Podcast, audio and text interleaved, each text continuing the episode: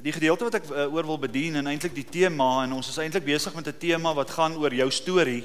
En uh ek weet elkeen van ons wat vanmôre hierso sit het 'n het 'n unieke storie en het 'n spesiale storie en ek ek glo net dat die Here jou oor die, oor die jare wat verby is het jy 'n sekere pad geloop en jy het nie altyd verstaan hoekom lyk die pad so en waar gaan ons? Hoekom moet ek hier links draai en daar regs? En hoeveel het ek uh, as ek sommer vir 'n net sien dan dink ek aan die jare wat sy al in die onderwys was en nou al afgetree is en of uitgetree is.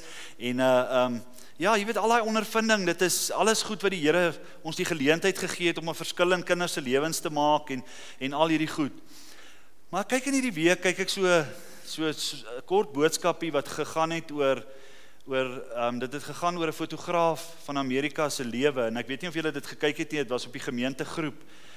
Maar hy vertel daai daai storie van van 'n fotograaf wat daar in Afrika het hy 'n foto geneem van 'n klein dogtertjie wat op pad is na 'n voeding voedingsskema plek toe.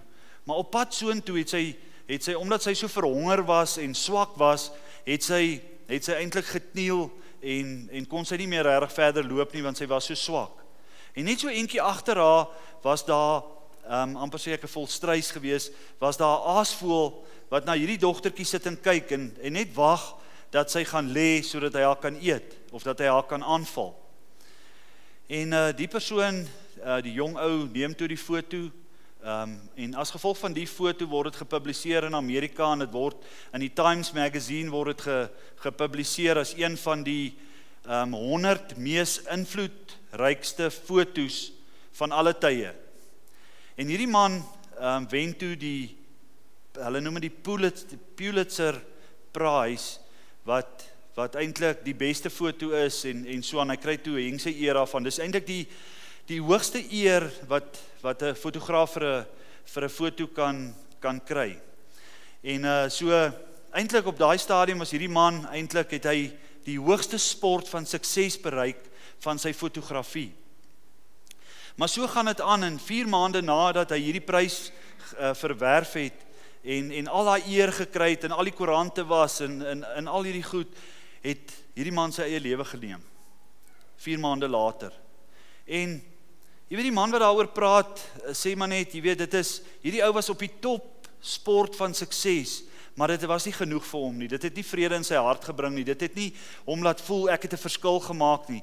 Want toe hy daai foto nou neem, toe staan hy by daai dogtertjie wat eintlik besig is om dood te gaan, wat nou deur hierdie aasvoël gevreet gaan word en hy voel hy gaan niks doen nie. Want mense het hom vertel toe hy soontoe gegaan het, jy vat aan niemand nie. As jy aan die mense vat, dan kry jy siektes en uh um iets slegs gaan met jou gaan gebeur en hy besluit toe om niks te doen nie. Want in daai geval kon hy daai dogtertjie gevat het, hy kan haar gery het na die voedingsskema toe, hy kan haar gehelp het om ietsie te drink, miskien kos te kry en van daar af kon sy dalk weer reggekom het. Jy weet en elke keer as hy daai foto sien, word hy herinner aan hierdie negatiewe ding, word hy herinner aan die aan die feit dat sy storie vertel, hy was suksesvol, maar hy het niks vir daai kind gedoen nie.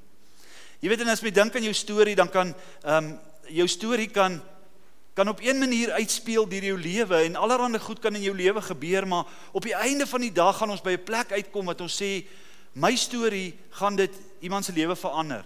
Gaan dit 'n verbetering in iemand se lewe bring of gaan ek 'n storie vertel eendag wat sê ek was geweldig suksesvol, maar my lewe het eintlik niks vir niemand beteken nie. Ek was suksesvol in dit wat eintlik in groter terme eintlik niks beteken nie. Jy weet in in daai storie het, het my hart nogal geraak en ek het besef dat elkeen van ons 'n storie kan 'n storie vertel, maar ons kan ook besluit om ons storie te verander en die res van ons lewe kan 'n storie wees van hoop, 'n storie wat 'n verskil maak, 'n storie van liefde en omgee van mense nader trek of ek kan maar daai persoon wees wat wat vir almal vertel van my sukses of almal die vinger na almal wys en die foute wat hulle maak en eintlik geen verskil of gee geen niks vir enigiemand beteken nie. En ek ervaar net om vanmôre vir jou te sê ek weet net. Ons sit vanmôre hierso en die Here praat met elkeen van ons in die gees omdat God wil hê dat ons storie 'n verskil moet maak. En ek weet baie van van ons wat hier sit en eintlik die meeste se stories maak 'n verskil. Maar partykeer moet ons ons fokus net bietjie afhaal van alles wat ek moet doen en en glo my, die Here wil hê jy moet suksesvol wees. Dit is regtig vir op God se hart vir sukses, maar die Here wil ook hê saam met die sukses moet jy sê ek wil 'n verskil maak. Ek wil significant wees in hierdie wêreld waar ek nou woon. Jy weet maar ek, ek kyk na na iemand se storie en en as ek dink aan 'n ou soos soos Paulus se storie en sy storie daar in Handelinge 9 is vir my 'n mooi storie want dit praat met my en dit sê so baie goed vir my. Ehm um, en as ons 'n stukkie kan lees uit Handelinge 9 vanmôre uit, gaan ek 'n stukkie lees van Handelinge 9 vers 1 tot 6 en dan gaan ek so 'n bietjie verder nog 'n storie en ek wil so 'n bietjie oor Paulus praat en, en net 'n paar goed deel rondom Paulus en wie hy was en wat in sy lewe gebeur het en al hierdie goed, maar jy weet Paulus was 'n ou wat wat geweldig suksesvol was. Hy het die hoogste sport bereik, hy was 'n geleerde ou. Jy weet as ek hier 'n lys kan kan vir julle kan lees van wie Paulus was. Hy was gebore in Tarsus, hy was 'n fariseer, 'n geleerde ou. Hy was 'n um, ook 'n tentmaker wat hy aangeleer het deur sy lewe. Um, hy was 'n sendingreisiger. Um, hy was een van die groot vyande van Christendom omdat hy gedink het die Christene is uh, is teen die Jode en hulle gaan die Jode oorvat. Hy was ehm um, soos ek reeds gesê het, hy was hooggeleerd onder Gamaliel. Ehm um, hy kon met sy hande werk. Hy was passievol oor alles wat hy gedoen het.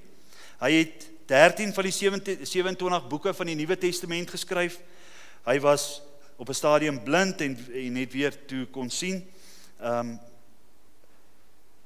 hy was 'n Benjam Benjamit. Hy het sendingreise gedoen, hy het kerke geplant, hy het mense bemoedig en geleer. Hy's 'n goeie fariseer gewees. Ehm um, hy het oral in die Romeinse ryk gepreek en baie teestand gehad. Hy het ehm um, hy het baie vir die kerk geskryf wat ons nou in die Nuwe Testament sien. Ehm um, en hy was nie bang om issues in sy tyd te konfronteer nie. En jy weet as ek al hierdie goed lees dan jy weet as ons hierdie Paulus hierdie boeke lees, dan kan ons sien Paulus het hierdie ingeskryf. Paulus het hierdie geskryf toe toe daan Filippense het hy geskryf toe hy in die tronk was en en sy lewe het regtig 'n impak gemaak. Maar maar hoor hierdie stukkie oor Paulus se lewe in Handelinge 9 vanaf vers 1 af. Dit sê Maar Saulus was nog dreiging en moord geblaas het teen die disippels van die Here, het na die hoë priester gegaan en van hom briewe gevra aan die sinagoges in Damaskus sodat as hy mense sou vind wat van die weg was, mense wat Christene was, manne sowel as vroue, hy hulle geboeid na Jerusalem kon bring. En toe hy op op op sy reis naby Damaskus kom, omstraal hom skielik 'n lig van die hemel af en hy val op die grond en hoor 'n stem vir hom sê: "Saul, Saul, waarom vervolg jy my?" En hy sê: "Wie is u, Here?" En die Here antwoord hom: "Ek is Jesus wat jy vervolg. Dit is hard vir jou om teen die prikkels te skop. En terwyl hy bewe en verbaas was, sê hy: "Here, wat wil U hê moet ek doen?" En die Here antwoord hom: "Staan op en gaan na die stad en dit sal jou gesê word wat jy moet doen." Jy weet en as ek hierdie gedeelte oor oor oor Saulus lees of later Paulus, dan sien ek hierdie man hy hy hy die Christene gaan vervolg. Hy het rondgegaan, hy het briewe gaan kry om te sê ek mag nou die Christene vang. Ek mag hulle nou vervolg. En baie keer wanneer ons kinders van die Here is, is is daar amper in hierdie tyd waarin ons leef, is daar ook vervolging. As mense wat rondom ons sit wat wat godsdienstig is en baie kritiek op ons het en baie keer vingers na ons wys en sê nee maar julle is te erg en al hierdie goed, so daar is ook vervolging. Maar die ding wat ek uit wil kom is Paulus is op hierdie pad en hy's suksesvol en hy vervolg die Christene en hy kom op 'n plek op pad na Damaskus om die Christene te gaan vang, die mense wat van die weg af is en skielik omstrale lig hom. En hy val daar op die grond neer en hy en hy weet nie wat aangaan nie en hy vra wie is u Here? En Jesus sê vir hom ek is Jesus wat jy vervolg. Jy weet skielik skielik kom hierdie suksesvolle man, hierdie geleerde man, hierdie man met autoriteit, kom op 'n plek en hy loop teen 'n lig vas. Hy loop teen 'n muur as dit ware vas. En baie keer van ons is ons lewens so dat ons ons leef ons lewens en ons doen alles en ons raak suksesvol, maar partykeer kom ons op 'n plek wat ons eers teen 'n muur moet vasloop sodat daar 'n draaipunt in ons lewe kan kom. In Paulus se lewe het daar eers 'n draaipunt gekom toe hy vir Jesus ontmoet. En ek wil vir julle sê vanmôre, hierdie hierdie gedeelte sê vir my, hierdie suksesvolle man het skielik by 'n plek gekom wat hy gesien het ek is blind en dan vra hy die belangrikste vraag van sy lewe. Hy vra: "Here, wat wil U hê moet ek doen?" En dan sê die Here vir hom: "Gaan na die stad toe en dit sal vir jou gesê word daar wat jy moet doen." En in hierdie volgende gedeelte wat ons lees, dan sien ons dat Jesus praat met Ananias wat 'n gelowige man was soos ek en jy wat vanmôre hierso sit, 'n gelowige in die Here wat 'n pad saam met God geloop het en skielik het hy 'n nuwe purpose. Hy moet die man wat die suksesvolste ou in die bediening ooit naas Jesus moet hy 'n paar dinge gaan gaan leer. En hy sê nou wys, ek sal dit nie doen nie. Ananias sê ek weier. Ek gaan dit nie doen nie want hierdie ou, weet u wie hierdie ou is? Hy vervolg die Christene. Hy vernietig hulle lewens. Ek sal dit nie doen nie.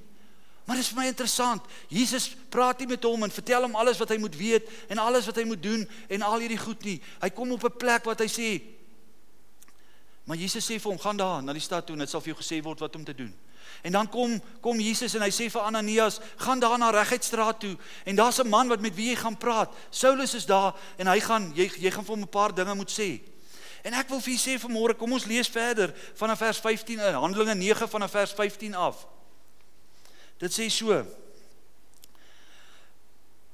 Maar die Here sê vir hom: "Gaan, want hy is vir my 'n uitverkore werktuig om my naam te dra voor die nasies en die konings en die kinders van Israel want ek sal hom toon hoeveel hy vir my moet ly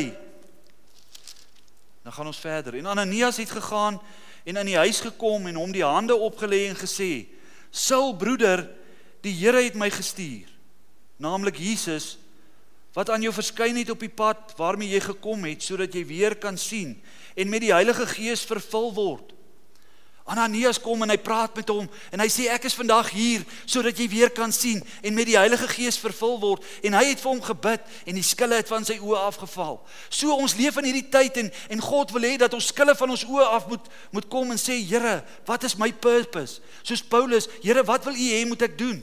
En ek kom op 'n plek en ek sê, Here, ek weet my my opdrag in hierdie wêreld, my roeping is nie net om gemaklik en suksesvol te wees nie, maar dat my lewe purpose sal hê. En ek weet vir elkeen van ons wat hier sit is is dit verskillende goed, maar deur my besigheid, deur my sukses wil God hê dat dat ons sekere goed moet ervaar. Maar Ananias kom na Paulus toe en hy sê ek wil jou help. En hy bid vir hom en die skille val van sy oë af en hy word vervul met die Heilige Gees.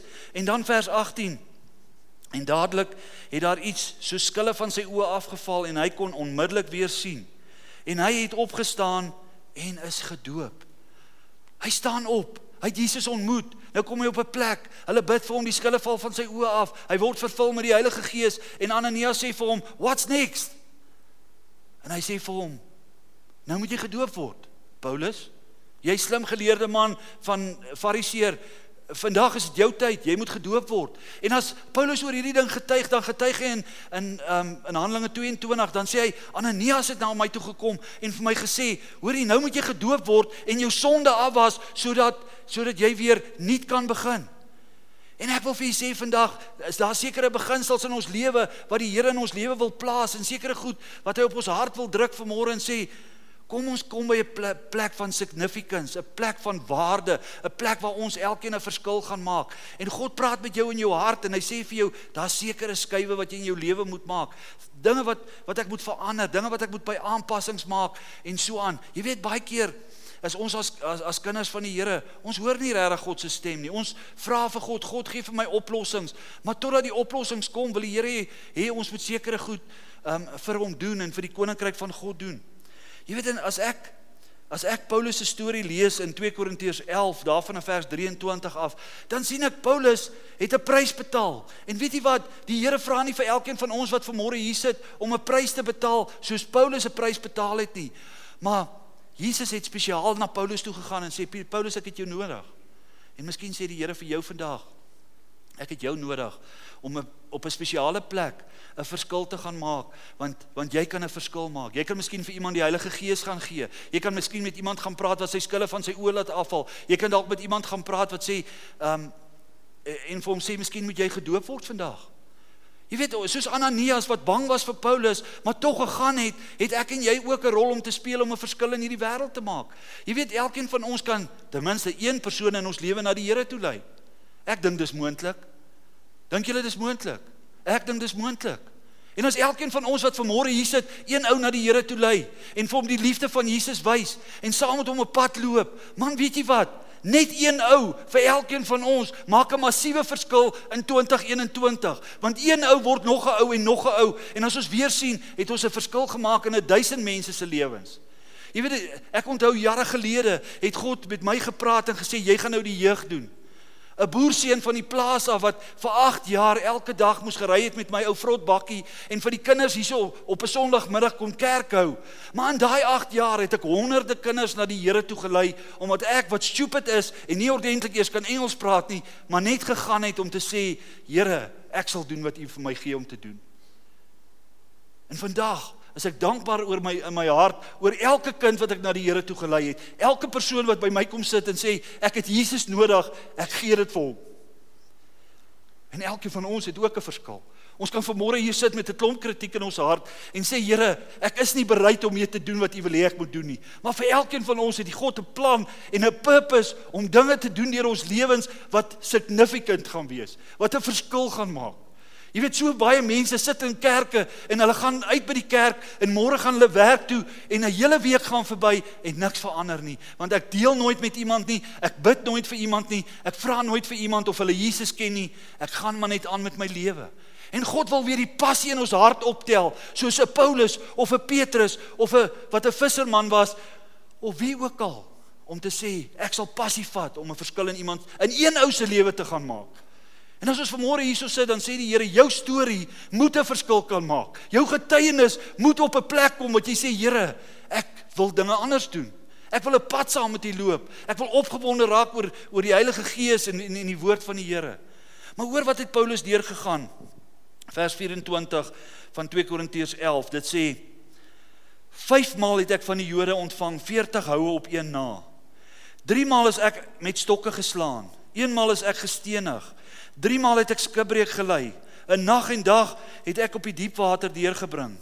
Dikwels op reis in gevare van riviere, in gevare van rowers, in gevare van my volk, in gevare van heidene, in gevare in die stad, in gevare in die woestyn, in gevare op see, in gevare onder valse broeders, in arbeid en moeite, in slapelose nagte dikwels, in honger en dors dikwels sonder ete, in koue en naaktheid. Behalwe dit alles, my daaglikse bekommernis, die sorg vir al die gemeentes.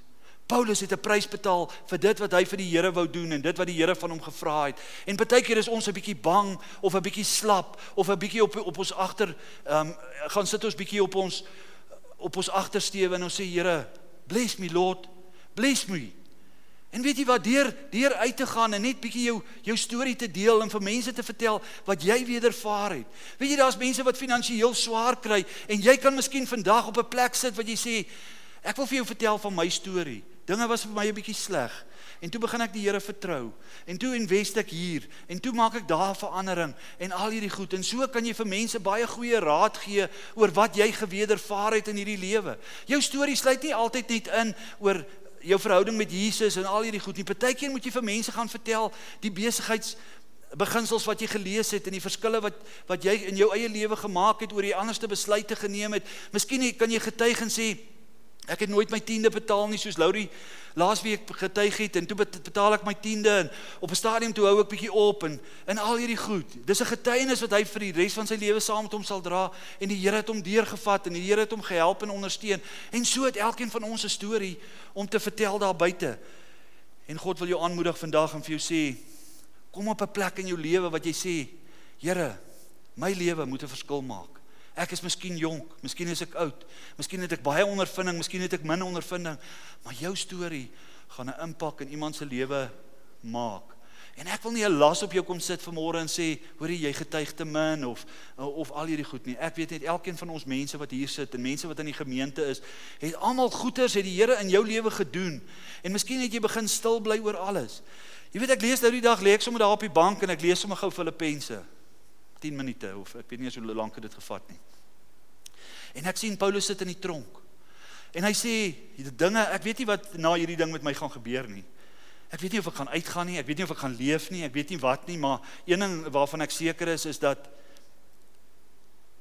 is dat ek dankbaar is dat ek Jesus ontmoet het. Dat ek dankbaar is dat ek dat ek in kontak met met Jesus gekom het en hy is die die wonderlikste persoon in my lewe. In die hoofvers kom daar eintlik uit Filippense 21 eh, Filippense 1 vers 21 sê hy hierdie ding. Hy sê: "Want vir my is die lewe Christus en die sterwe wins. Maar as ek in die vlees moet lewe, dan beteken dit vir my vrugbare arbeid. En wat ek sal kies, weet ek nie, want ek word van weerskante gedring en ek en het en het verlange om heen te gaan en met Christus te wees, want dit is verreweg die beste. Maar om in die vlees te bly is nodiger om julle ontwil. En dit vertrou en weet ek dat ek bly ja saam met julle almal sal bly tot julle bevordering en blydskap in die geloof.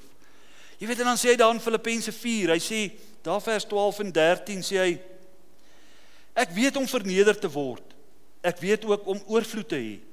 In elke opsig en in alle dinge is ek onderrig om versadig te word, sowel as om honger te ly, om oorvloed te hê, sowel as om gebrek te ly. Ek is tot alles in staat deur Christus wat my die krag gee. En ek wil vir julle sê vanmôre dat vir elkeen van ons wat hier sit, ek is tot alles in staat deur Christus wat my die krag gee. In elkeen van ons se lewens is daar 'n vermoë, maar ek wil jou 'n ding sê vandag dat jou storie kan op een manier uitspeel. Maar deur jou getrouheid aan God en deur jou getrouheid in die woord en deur jou getrouheid in gebed kan jou storie radikaal verander. Miskien voel jy op hierdie stadium daar sekere goed in jou lewe wat nie so goed is nie. Jy ervaar miskien daar sekere goeders waarin jy moet deurbrake kry, dat jou besigheid meer moet blom, dat jy moet rigting hê in hierdie jaar oor die besluite wat jy moet neem.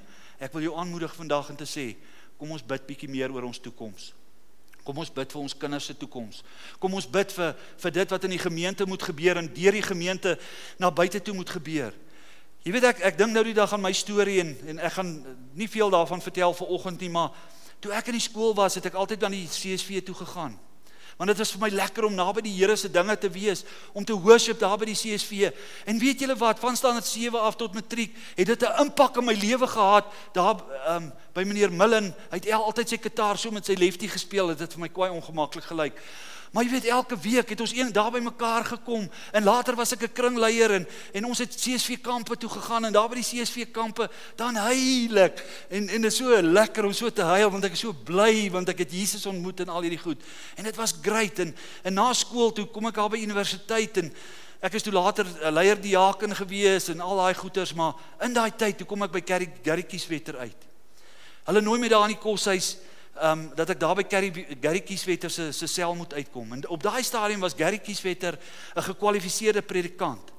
Hy was 'n 'n Methodist reverend gewees en hy was 'n pastoor. In al drie daai goed was hy gekwalifiseer. En ek sit daar by sy voete, amper soos Paulus by Gamaliel, sit ek daar en hy leer my van die Gees en hy praat met ons oor wonderlike goede en ek sit daar en ek hang aan sy lippe en ek sê, "Wow, hierdie goed van die Here. Ek is 'n leier, oude leier diaken, maar ek weet boggerol van van alles wat die Here vir ons wil leer. Ek is so dom en ek ek hang aan sy lippe en op 'n stadium dan dan vat hy ons daar na die geboue toe daar in Bloemfontein, sulke hoë geboue waar daar mense bly wat baie swaar kry. Dan klop ek en is hulle aan die deur. Dan sê ons ons wil julle van Jesus vertel, maar ons weet self nie veel nie. Dan weet ons nie eintlik waar om te begin nie en dan praat ons so 'n bietjie en dan bid ons dat ons tog net daar kan wegkom, maar ons gaan getuig en ons vertel die mense. Maar onder 'n man soos soos Gary Kieswetter het 'n verskil in my lewe gemaak. En so het ek rondgegaan en ek was by gemeentes in Durban en ek was by gemeentes in Johannesburg en ek was ouderling en ek was diaken en ek was al hierdie goeters gewees. En toe kom ek terug Markwart toe en vir die eerste keer in my lewe vra iemand vir my, "Weet jy wat die doping in die Heilige Gees is?" Ja, ek weet nie. Ek soek dit. Sê vir my asseblief, vertel my net daarvan. En dit vertel my daarvan. En hy bid vir my en daar kry ek een woord wat skielik kan ek in 'n taal praat. En skielik verander my lewe. In die volgende weke wat kom, lees ek die Bybel een keer en twee keer en drie keer. Ek sou nie eens my vrou nie soos ek die Bybel lees. Maar dit was amazing. Skielik is daar 'n bron van vuur in my hart en ek lees die Bybel en ek lees die Bybel en ek lees die Bybel en God begin sekere goed in in, in my lewe doen. En 2 weke later en ek kon nooit voor mense praat nie. Ek was selfs op eh, op ehm um, op die universiteit op al hierdie komitees van die van die van die SR en al hierdie goed, maar elke keer as ek moes praat, was ek beangs en bevrees in my keel trek toe. Twee weke later na ek die doop, dooping in die Heilige Gees toe preek ek vir die eerste keer in die kerk. En ek dank die Here van vandag vir vir die goed wat Markwart se gemeente vir my as 'n mens geleer het, wat vir my beteken het en die voorreg wat ek gehad het. Ek sit eendag daar by Gary Kieswetter in sy groep en hy sê, "Jy." Ek sê ek. Hy sê, "Ja, jy." Jy gaan nog baie vir jong mense in jou lewe beteken. En dit was in in 19, kom ons sê 87. En ek dink, wat moet ek nou daarmee maak? Ek weet nie wat's profetiese woord en al hierdie goed nie. Nie lank daarna in die land ek in Markwart en ek begin preek vir die swart kinders en by die skool en by al hierdie plekke en en daai profetiese woord van wie Kerrietjies Wetter het waar geword en dat ek vir jong mense iets sal beteken. En so het ek honderde kinders na die Here toe gelei. En ek wil vir u aanmoedig vandag en sê, kom ons stap hierdie pad van ons storie saam in die Here. Ons gemeente hierso het baie beperkings. Ons gemeente het baie dinge wat fout is. Baie mense wat onvolmaak is. Baie keer mense wat jou kwaad maak en van jou skinder of iets doen wat jy miskien nie van hou nie. Maar een ding weet ek, dat hierdie gemeente die beginsels van die woord reg verstaan wat die gees van die Here aanbetref, wat die waarheid aanbetref, wat finansies aanbetref. En ek wil vir julle sê vandag, vat wat jy kan kry by mense rondom jou. Luister na die stories en sê Here, maak my nuut, maak my opgewonde oor dit wat U wil doen, want die storie wat van jou storie wat hier uitgaan, as jy saam met ons 'n pad loop, wil ek vir julle sê, gaan haal die mense, bring hulle in. Ek as al is ek die enigste een wat dit doen, sal ek die mense na die Here toe lei en ek beloof julle elkeen wat hier sit, ek sal dit in liefde doen. Daai vrou wat laasweek by my kom sit het en haar lewe vir die Here gegee het, het gesê, ek dog daar's 'n probleem. Sy sê vir my, ek het net gekom vandag. Want oom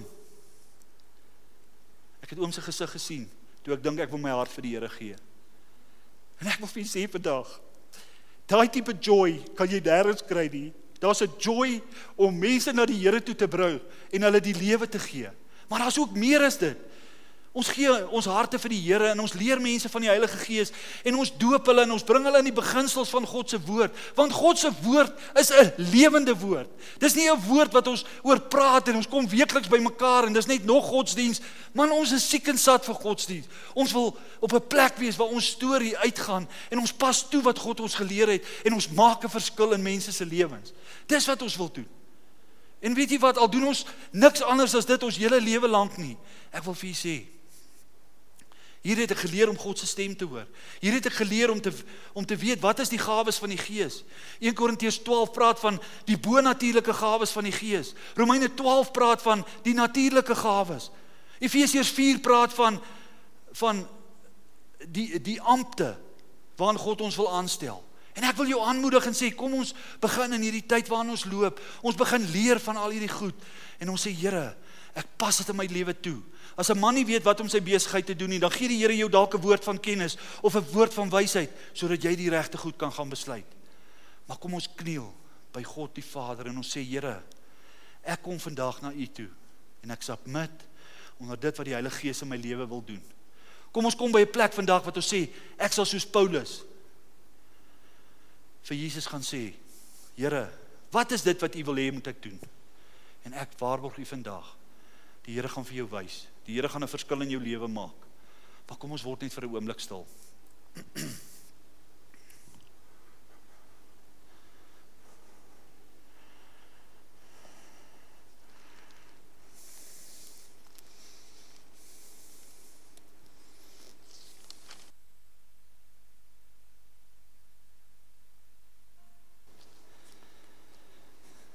Ek wil net vir jou hierdie stukkie lees terwyl jy oor so toe is. Daar's 'n apostel Petrus. Hoor wat het met hom op 'n stadium gebeur. Maar Petrus antwoord: "Man, ek weet nie wat jy sê nie." En onmiddellik terwyl hy nog praat, het die haan gekraai. En die Here het hom omgedraai en Petrus aangekyk en Petrus het die woord van die Here onthou wat hy vir hom gesê het: "Voordat die haan kraai, sal jy my 3 maal verloon." En Petrus het buitentoe gegaan en bitterlik geween. Miskien sit jy vanmôre hierso en jy sê Here, ek het U al hoeveel keer verloon? Miskien is dit vandag jou tyd om te te repent en te sê Here, soos Petrus het ek U verloon. Maar nadat Petrus Jesus verloon het, het die Here hom opgetel. In sy eerste preek het 3000 3000 3000 mense tot bekering gekom. Miskien sit jy vanmôre hierso en ek wil vra dat jy met jou oë sal toesit. Jy sit vanmôre hier en jy weet jy het baie potensiaal. Jy sit vanmôre hier en jy sê Here, ek leef net vir sukses. Maar ek wil jou vra vandag om te repent van dit. En ek wil jou vra dat die Here sê vir die Here vandag, Here, ek wil hê my lewe moet ook 'n verskil maak. Deur my sukses wil ek 'n verskil maak. Want God hou van sukses. God wil hê jy moet suksesvol wees. Maar ons lewens is meer as dit. Ek gaan vir jou 'n oomblik gee, net so 'n minuut in stilte. Praat net met die Here oor wat jy gehoor het vandag. Kom ons bid net saam.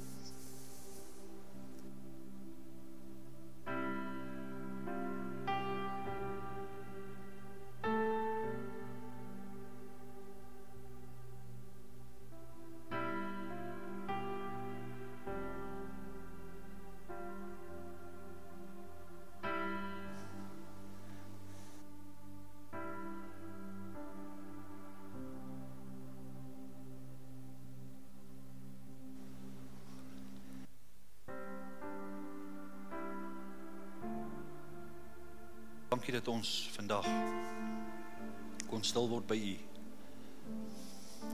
Dankie Here dat U 'n plan met ons lewens het. En Here, dankie dat ons in hierdie week kan bid, soos soos Johannes 6 vers 44 sê dat die Heilige Gees mense trek. Here, ek bid dat U mense na ons na ons toe sal trek sodat ons ons stories vir hulle kan vertel. Ek bid dat U mense na die gemeente sou sal trek. Ek bid Here dat dat U mense sal bring wat U regtig nodig het. Here en ek weet net die liefde van Jesus maak 'n groot verskil in mense se lewens. Maar partykeer moet ons 'n storie vertel sodat mense ook die aanpassings kan maak wat nodig is. Here, dankie daarvoor. Dankie dat U ons saglik lief is vir elkeen van ons. Here, ek bid dit in hierdie week dit 'n week gaan wees van seën, 'n week van deurbrake, 'n week waar mense wat nie werk het nie sal werk kry, mense wat nie kos het nie sal kos kry. Ek bid Here dat U ons sal gebruik om in mense lewens in te saai. Here want die woord sê wat julle saai sal julle maai. En ek dank U vir môre Here dat ons deel kan wees van die plan wat U met ons lewens wat met die plan wat U vir vir Markwart en hierdie hele omgewing het. Dankie dat ons ons rol kan speel in dit. En ons dankie daarvoor in Jesus se naam. Amen.